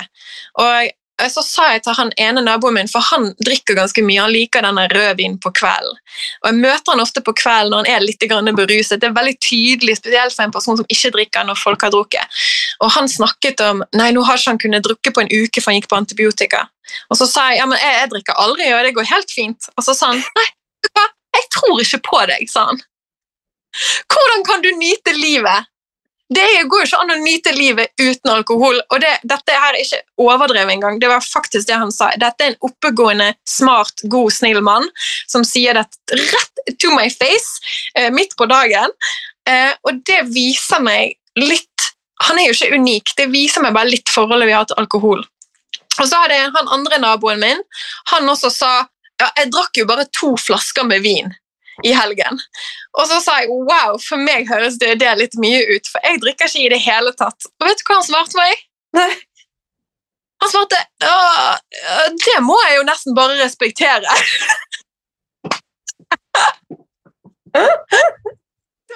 så det er bare sånn, og da, da blir det jo litt sånn det er jo veldig fascinerende med hvordan da bevissthet fungerer. Hvilke, hvilke, bevissthetsdimensjoner er du vant til å være i? Hva er det som er konsensusen i samfunnet? Hva er det som, er, det som er, ansatt som normalt, og hva er det som er ansatt unormalt? Og det å, å ikke ta til seg levergift og innta levergift på, på daglig eller ukentlig eller, eller eh, årlig basis, det er så unormalt at mennesker må faktisk si vet du hva, det må jeg jo kanskje bare respektere. Du, skulle tro, du skulle jo tro at jeg fortalte han vet du hva, eh, bare for å tjene litt ekstra penger, så selger jeg kroppen min nede i Strandgaten her i Bergen hver fredag. Du skulle tro at det var det jeg sa, men det var ikke det jeg sa. Jeg sa bare at jeg drikker ikke alkohol. Men det er vel sånn i dag at hadde de visst faktisk hva alkohol gjør med kroppen, så hadde det ikke blitt lovlig i Norge. Eller i andre land. Det tror jeg ikke. Altså, nå, eh, nå blir jeg jo litt eh, konspiratorisk her, eh, men det vet jo du allerede at jeg er ifølge Instagrammen min. Men jeg, jeg tror at det er helt meningen at alkohol er lov, og psykedelika er ulovlig. Ja. Det, eh, det, det har vi snakka litt om eh, når jeg hadde med han Anders Kråkfoss, for at litt tilbake i tid, så Nå husker jeg ikke helt, men du kan fortelle historien hvorfor psykedelika ikke er lovlig. Eh, Psykedelika det er, jo, altså det, er jo, det er jo ulike historier der til er lov, eh, hvorfor det ikke er lovlig, men de gjorde det ulovlig etter denne her eh, Love and Light-bevegelsen under Vietnamkrigen borte i USA. Mm. Og det, det, det bare blødde inn i resten av Vesten eh, og, ble, og ble akseptert som en konsensus i resten av Vesten. Mm. Eh, og eh, fra eh, konspiratorisk eh, siden, som ikke egentlig for meg er konspiratorisk siden det er jeg som, som sier det og føler jeg, jeg, jeg, jeg kjenner, eh, kjenner sannheten der, så er det jo fordi at det er veldig vanskelig å kontrollere mennesker som har hatt en psykedelisk opplevelse, fordi at du skjønner mer hva livet faktisk eh, kanskje burde handle om, og at kjærlighet betyr alt. Og veldig mye av det vi gjør i denne verden, inkludert det å drikke alkohol, det er det motsatte av kjærlighet. Mm. Og da, det er, er sånn kort oppsummert eh, eh, grunnen til at psykedelika er ulovlig. Og alkohol er lovlig fordi at alkohol skader hormonene våre, som igjen gjør en av eh, Jeg snakket om det å, at menn er blitt mer feminine og kvinner er blitt mer maskuline. Det skader hormonene våre såpass mye at eh, kvinner får mindre progesteron. Progesteron er det mest feminine hormonet vi har i kroppen vår som gjør oss avslappet og kåt og, og, og klar for å nyte livet. Eh, og så skader det menns testosteron noe helt enormt. Eh, som testosteron gjør at menn eh, føler behov for å beskytte eh, og gi og, og produsere og, passe på og, være full i energi og styrke. Mm. Så det, det er helt perfekt det, å gi alkohol og gjøre det lovlig for folk. Eh, ja. Hold oss der de vil ha oss. kaos som er ute av kraften vår. Når du drikker alkohol, så forgifter du også leveren din, du forgifter hele systemet ditt. Det er vanskelig å ha en syklus på det som kvinne. Eh, Det, er, det, er det påvirker hele helsen din. Og eh, for å bare nevne det igjen, hvis ikke folk har hørt det nok, så er du også mer enn bare din fysiske kropp, du er også et spirituelt vesen. Og, og det som skjer, det er en grunn til at folk som er veldig fulle, ser ut som de er possessed by demons. Ikke sant? Mm. Det er ikke det de er demons, det er fordi at de er mindre seg sjøl. Og, og, og spiriten deres, ånden deres, har pakket seg langt vekk i kroppen, eller, eller eh, for alt jeg vet, forsvunnet hele veien ut av kroppen eh, midlertidig for å, for, for å rømme unna all den ubevisstheten som skjer når man drikker alkohol. Hmm. Og, og, og nå vil ikke jeg høres dømmende ut, for det mener jeg ikke å være i det hele tatt. Um, fordi at dette er, dette er et komplisert problem som kommer av generasjoner der vi er programmert og indoktrinert til å tenke at alkohol er greit, og dette er ikke greit. sant? Det er det som blir problemet med at noen får lov å styre virkeligheten. Og, og sånn som du sier også, du, du kan ikke se en eneste TV-serie, en eneste film, du kan nesten ikke lese en bok uten at det er noen som, som drikker alkohol.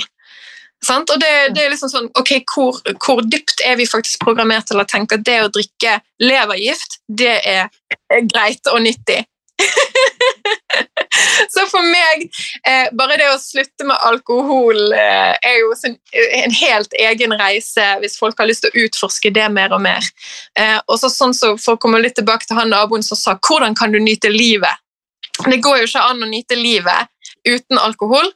Eh, og det jo, blir jo litt av problemet her, for livet skal faktisk Vi skal faktisk klare å nyte livet uten å ta noe inn i kroppen vår. Mm. Altså Bare det å, å være her i eksistensen Vi har egentlig alt vi trenger her, selv om den er eh, sant, eh, monopolized, monopolisert eh, Jeg klarer ikke å si ting på norsk i det hele men, eh, men, du skjønner hva jeg mener. Altså, egentlig så har vi nok her, og vi har nok i oss sjøl, og vi har alt inni oss sjøl, og, og, vi har så mye mulighet for nytelse og glede, men vi blir så pepret med alt vi burde, skulle, eh, skal gjøre i dette livet, og hva liksom meningen med livet er, at da blir jo kanskje eneste mulighet det å rømme litt fra ubehaget man føler, og stresset man føler, og, og mangel på kontakt med seg sjøl. Det å rømme ned i den alkoholen som gir deg den lille rusfølelsen. Mm. Sånn at, eh, eh, Dette er ikke noen ovenifra og ned. Det høres veldig lett sånn ut eh, når jeg snakker, for jeg er så utrolig lidenskapelig opptatt av det jeg snakker om. Eh, men jeg har vært igjennom de fleste av alt jeg snakker om, alle lagene fra det helt ubevisste til det bevisste sjøl. Så jeg vet hvordan det, vet hvordan det oppleves, og, og, og, det er ikke individets sin feil, men det er faktisk individets sin, sitt, sitt ansvar når du først blir møtt med ny informasjon, og du kjenner at, du kjenner at det resonnerer i kroppen din. Her er det noe. Mm. Eh, dette høres jo riktig ut, og det er litt ubehagelig å høre dette. Sant? Jeg har jo venner som liker å drikke, og, og, og de syns det er litt ubehagelig når jeg snakker om, om drikking, men de begynner jo, liksom, det er jo noe i de som resonnerer. Mm. De skjønner liksom ok, dette, jo, dette høres riktig ut, jeg burde klare å, å, å, å holde kroppen min så frisk som mulig og så til stede og så gledelig som mulig uten å måtte ta, ty til alkoholen. Eh, men eh, men så er det det å ta radikalt ansvar når du først blir, får den nye informasjonen, og du kjenner det resonnerer, og faktisk gjøre noen grep mm. der du kan hva det kan gjøre for livet ditt, og kutte ned på, eller hvis du er klar for det, kutte alkohol helt. Ja. Mm. Jeg har bare i mitt liv så jeg har ikke satt noen grenser om at jeg er avholds, for jeg har hatt et problematisk forhold til mat tidligere. Så for mm. meg så er det bare funka det bedre å bare intuitivt ta dag for dag, og, og jeg velger bort alkohol stort sett hver dag. Så ja. Jeg kjenner altså bare der er jeg helt enig med deg. Jeg, også, jeg liker heller ikke å bruke begrepet avholdelse, for det setter begrensninger på livet. Det er ingen grunn til å ha begrensninger på livet. Så litt av poenget mitt er at når du først merker hvor godt det gjør, og du, og du faktisk blir gladere og gladere, og du nyter livet mer og mer, og du har en friskere og friskere kropp, så skjønner du faktisk ikke behovet. Og da trenger du heller ikke Det er der vi også sant, misforstår det nå med alle disse doktrinene vi er inni med diett og du må trene sånn og sånn, og du skal helst løfte sånn og sånn, og du skal helst gjøre sånn og sånn. Det der er, I denne, hele denne helseverden så har du bare byttet ut én matrise, som er liksom medisinmatrisen, sant? og tar piller og spiser usunt, og du blir programmert til det ene og det andre. Og så bare bytter du ut med en ny doktrine som bare ser litt bedre ut og litt mer trent ut og litt mer friskere ut. Men det er fortsatt liksom sånn Sånn er du menneske. Her skal du være menneske. Gjør A, B, C, D, E, F, G, så blir du frisk og glad. Mm. Og det er begrensninger, for igjen, du er et så unik blueprint av eksistens. Du er en helt unik person, og livet er faktisk altfor kort og altfor unikt og altfor spesielt til å sette sånne regler for seg sjøl. Så når jeg da snakker om å kutte alkohol, så snakker jeg ikke om å du må aldri drikke alkohol, eller du må, du må liksom holde deg sjøl ansvarlig for å ikke drikke alkohol og skam. Gjerne liksom føle litt skam hvis du først gjør det. Det negerer hele eh, agendaen for å i det hele tatt utforske dette. Mm. Så jeg bare ja, men som jeg har bare lyst til at det skal folk skikkelig ta til seg. For Du bare bytter ut én doktrine og én regel på hvordan være menneske med en annen regel på hvordan være menneske. Og det er ingen regler egentlig på hvordan være menneske. Det er derfor du må finne ut hva som funker for deg.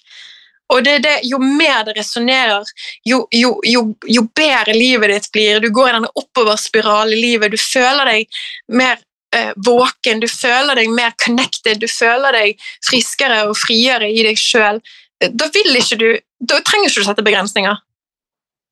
I det hele tatt. Det, det er bare alt, Alle regler bare detter vekk, og så ser du vet du hva, livet er for kort. Jeg, jeg gjør det som er best her og nå, for meg sjøl. Yes. Og så har jeg radikalt selvansvar. For litt av problemet mitt i disse tider, det er at vi går rundt her som eh, spirituelle barn. Altså, vi er som, som sånne veldig umodne eh, vesener som, som, som umyndiggjør oss sjøl, og, og, matrisen umyndiggjør oss med at vi alltid skal se til noen andre for hvordan leve livet vårt. Mm. Og kan du fortelle meg hvordan jeg skal leve livet mitt? Kan ikke du Nei, ekspertene skal ta ansvar for hvordan jeg skal gjøre ting. sant? Mm. Eller kjendisene skal ta ansvar for det med det de sier. Eller eller bare de som kommer til meg og søker min hjelp, så prøver jeg å speile tilbake på dem jeg er bare her for å hjelpe, altså for å, for å, for å støtte deg. That's it. For mm. det, det, er du som er eksperten. Jeg har bare ideer. Jeg har bare ideer og meninger om ting, men det er du som er eksperten. Mm. Så du må bestemme deg sjøl for hva er det som gjør livet mitt bedre og verdt å leve, og hva er det som gjør livet mitt mer og mer mening. Mm. Og det dette spillet med eksistensen som vi nå er i, det er veldig spennende. For vi har alle så masse ulike ideer og ting. Og, og, litt av problemet mitt det er derfor jeg også har den handle som du, som du nevnte med Instagrammen min, I'm not here to be right. Og det mener jeg av hele mitt hjerte. Jeg, har, jeg bare snakker og deler med mine lidenskaper og mine ideer. Jeg har ingen behov for å ha rett om noen ting som helst. Jeg har genuint lyst til at folk skal finne ut av hvem er jeg mm. og hvordan er livet mitt bra mm. og best. Love it! du, helt på tampen, nå har vi skravla ja. i 90 minutter. Jeg tror dette blir tidenes lengste podkastepisode.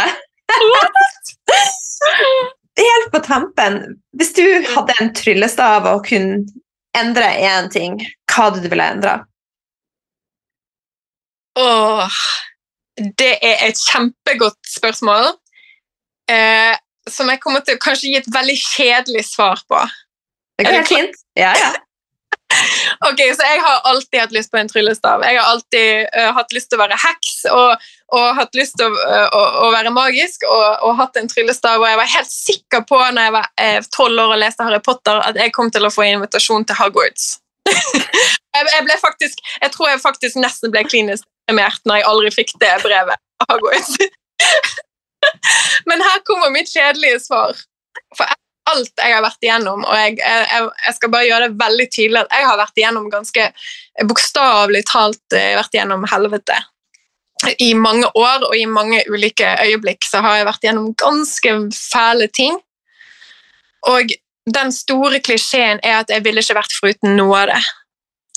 Uh, og jeg kunne ha svart det svaret, altså jeg kunne brukt det svaret som jeg kanskje ville gjort for et år siden. Så ville jeg brukt den tryllestaven til å fjerne lidelse. Jeg ville fjernet uh, ondskap, jeg ville fjernet sult, jeg ville fjernet krig, jeg ville fjernet eliten uh, og matrisen. men, men mer og mer så ser jeg den hellige biten av eksistensen, og at vi trenger dualiteten. Eksistensen, altså det vi ser rundt oss dualit, Vi hadde ikke vært her, hadde ikke det vært dualitet i eksistensen. Så det må være yin-yang, det må være stillhet, lyd for, altså Det må være død og liv. For det, eksistensen kan ikke oppleve seg sjøl uten motsetning. Altså det må være motsetninger der. Mm. Um, og meningen med livet, det mest det mest etter alt helvete jeg har vært igjennom. Når jeg har kommet ut på andre siden og følt hva ubetinget kjærlighet Og jeg bare sier det igjen ubetinget kjærlighet, ikke betinget kjærlighet. for Det er veldig mange av oss som går rundt og tror at vi vet hva kjærlighet er, men det meste av kjærlighet som skjer i dag, både kollektivt og, og i liksom, mikrosamfunnet eh, som er familien, og inni oss sjøl, det er betinget kjærlighet. Du er kun elsket når du gjør A, B, C, D, E, F, G.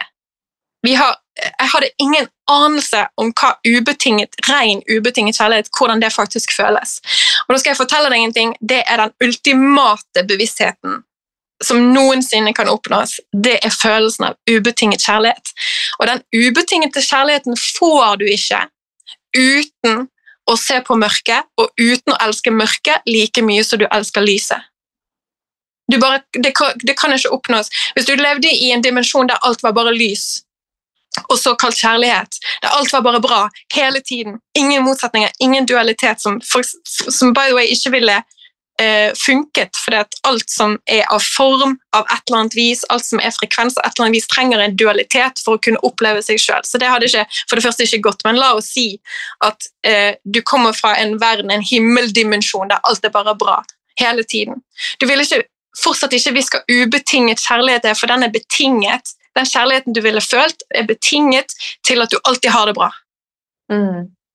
Så det er mitt kjedelige svar. Jeg har ikke, jeg har ikke lyst på den tryllestaven. For det å gjøre dette arbeidet og se på mørket både kollektivt, innad i familien min og innad i meg sjøl, og klare å se på det og, og, skjønne hva det faktisk handler om, og se at alt som er, det er sånn av en grunn.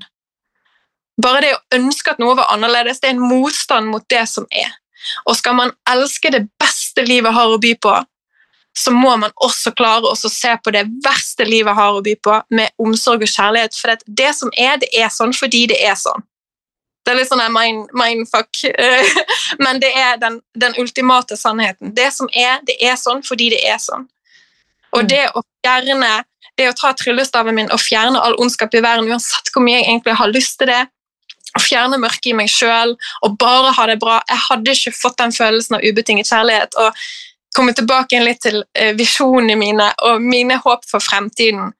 Fordi at jeg har opplevd det i meg sjøl, og jeg ser det rundt meg skje mer og mer. Jeg ser mennesker våkne opp mer og mer til hva som faktisk betyr noe, og det er ubetinget kjærlighet. Og den følelsen, Det er derfor vi også fortsetter å se film og lese bøker og høre på musikk der det er masse smerte og masse spenning, og så løser det seg med ubetinget kjærlighet, der eh, mennesker ofrer livene sine for andre mennesker, f.eks. Eller du ofrer deg alt for kjærligheten. Eh, du går gjennom så mye helvete bare for å komme ut på andre siden og skjønne hva kjærlighet er. Vi fortsetter å se sånne filmer og grine av sånne filmer og har lyst til å se sånne filmer fordi at det er det som er eksistensen. Det er mørke og lys, det er inn- og utpust, det er død og liv, det er mann og kvinne. Eh, Ellers hadde ikke vært, vi hadde ikke vært der uten. Å, fint svar. Tusen takk, Helena. Det har vært så hyggelig å ha deg med. Og jeg har lyst til å ha deg med flere ganger. Så eh, ja, jeg vil. Ja, hvor, eh, hvor kan lytterne treffe deg? Eh, jeg er veldig veldig aktiv på min kontroversielle Instagram at Helena Wild i ett, så ingen punktum. Så Helena W-I-L-D-E, som i Oscar Wilde, eller som i Vill med en E på slutten. Så der kan, eh, der kan, folk eh, ta kontakt med meg. Der prøver jeg også å svare i innboksen hvis folk eh, jeg, jeg, har jo sånn én-til-én-veiledning, blant annet, og, og, sånne ting, så der prøver jeg å få svart folk i innboksen min. Men det begynner å bli litt med flere følgere så blir det litt vanskeligere, men bare at folk har tålmodighet med meg, så, så jeg, eh, kommer jeg tilbake til folk i, ja, som har lyst til å skrive til meg. Jeg kan også ta og legge med Instagrammen din skriftlig til episoden, så folk finner det.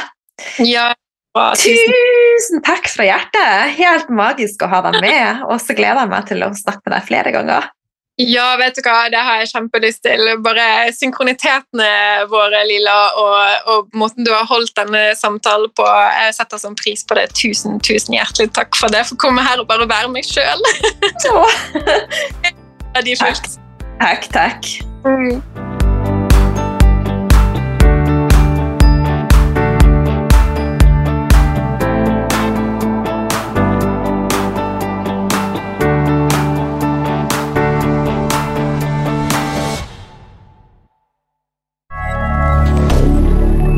Media.